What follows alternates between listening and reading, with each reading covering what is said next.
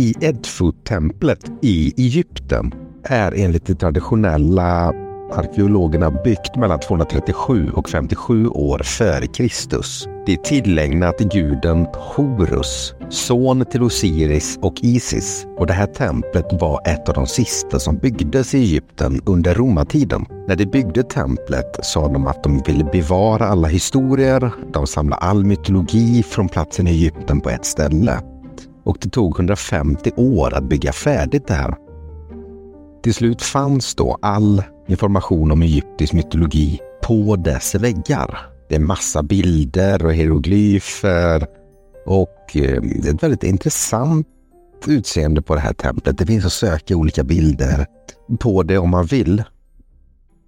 Men i de här texterna och bilderna då så beskriver egyptierna hur eh, Egypten Egypten grundade det första templet, hur världen blev till, hur Egypten blev till och eh, hela universums skapelse. Längst in i den, den heligaste delen av Edtu är en fyra meter hög granitsten. Och här säger de då att frågan som alla vill veta, alla religioner vill ha svar på, är hur gick det till? Och då sägs det att svaret finns i den här stenen. För att det är ristat på den här och längst upp på stenen så finns det något som kallat, kallas ur, urtidskullen. Den här dök upp mitt i ett, eh, ett träsk kan man säga, dit alla gudar kom och landade för att skapa mänskligheten. Framför den här stenen så finns det också en annan symbol som är båtarnas symbol. Och det trodde att gudarna kom till den första urtidskullen med eh, den här båten eller det här skeppet då. Det finns ju också andra hieroglyfer eller geoglyfer framför allt där det också finns ehm, bilder eller symboler som verkligen påminner om ja, men utomjordingar eller rymdskepp. Nazca-linjerna är väl ett praktexempel på det, där alla de här geoglyferna ses ju bara ovanifrån, är väldigt detaljerade på så vis att det är svårt att skapa från marken. Men från luften så syns det jättetydligt. I Kalifornien så finns det också ett sånt här ställe. De har 300 stycken figurer som är skapta på ungefär samma sätt som Nazca-linjerna. Där bilderna avbildar djur, diverse spiraler och vissa figurer som ser ganska människoliknande ut.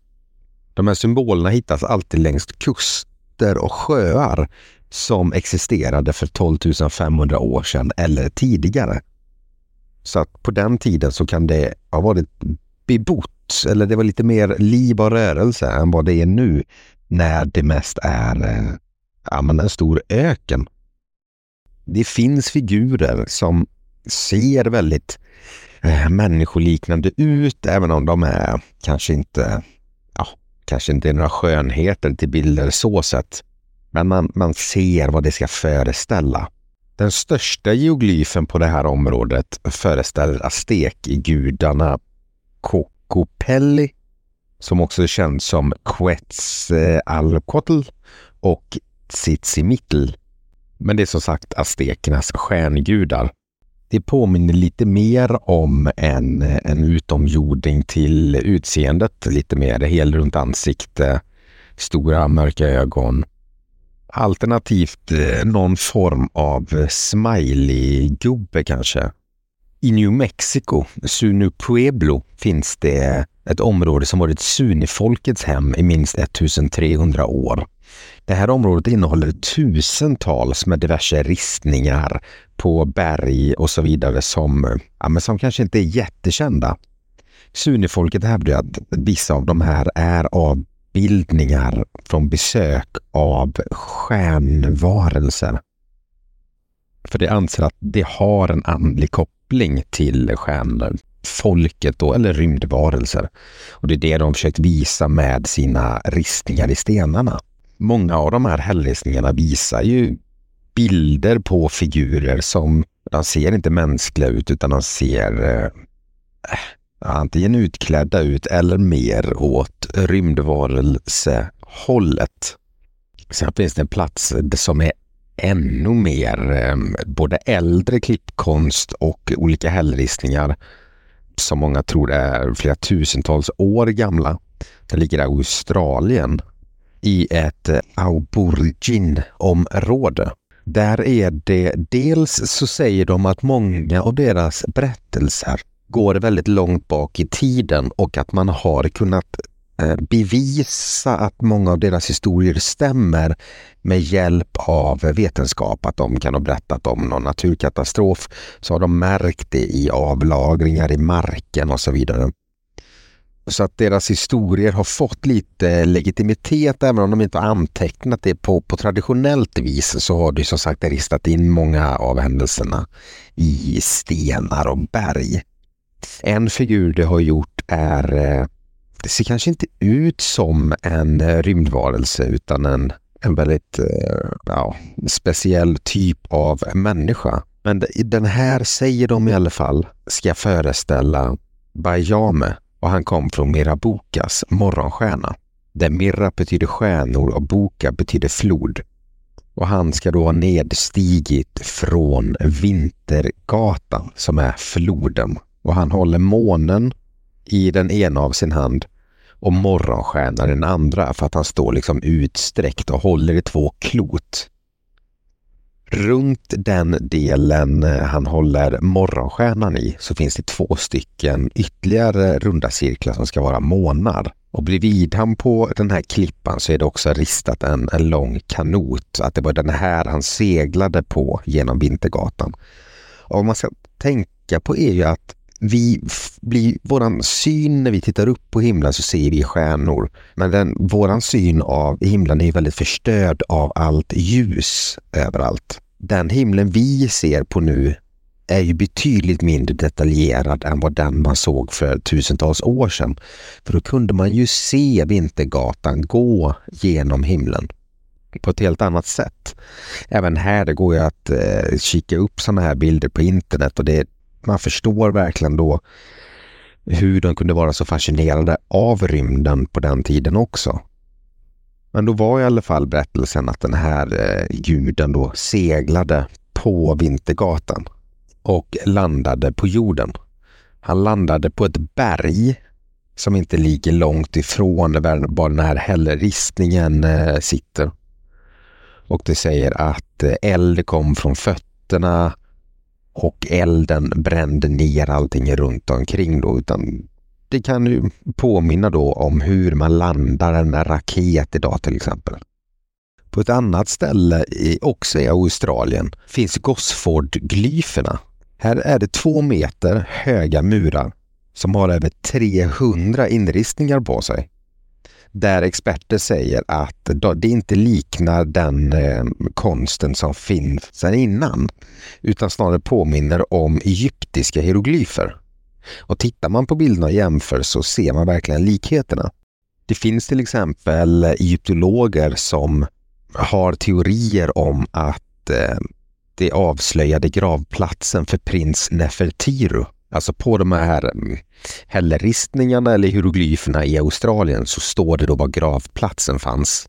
Och det var en egyptisk eh, kunglighet som dog på den här platsen någon gång mellan 2600 före Kristus. För att det ser ut som att man går ner mellan två stycken eh, några meter höga bergsklippor kan man säga som är ganska eh, raka, alltså att det, det, är en platt yta. Och det är ganska fint inristat. Det ser nästan ut som att, eh, inte så snyggt som att det skulle kunna göras idag, men det ändå, det ser väldigt fint och detaljerat ut och eh, fake ska jag inte säga att det ser ut, men att det hade mycket väl kunnat vara det. För att det ser så malplacé ut. På en av väggen står det till exempel eh, om två stycken bröder som var prinsar från Egypten. De fick ett skeppsbrott. En av dem blev biten av en orm och sen så dog han. Och teorin är att han begravdes här och därför har det också hieroglyferna här. Det kan ju faktiskt låta ganska ja, men ganska trovärdigt någonstans just på grund av att varför skulle de ha hieroglyfer i Australien? Men samtidigt är Australien inte lätt att ta sig till. I alla fall inte med båt på den tiden utan då är det väl via luften. Men då finns det lite andra eh, problematiska grejer då flygplan och sånt inte fanns på den tiden.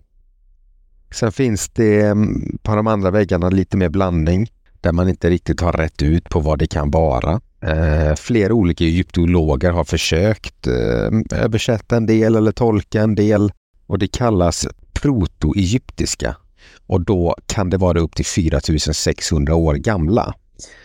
En del av de här hieroglyferna på de här klipporna sticker ut ganska rejält. Det finns exempelvis en som ser ut som ett ufo.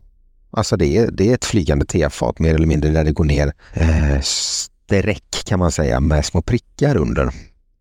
Väldigt speciellt men det, det, ser egentligen ut som ett ufo. Det är därför man nästan får känslan av att det kan vara fejk. Men sen kan det ju se ut bara, föreställa vad som helst egentligen. Teorier går ju också att varför skulle egyptierna komma till Australien?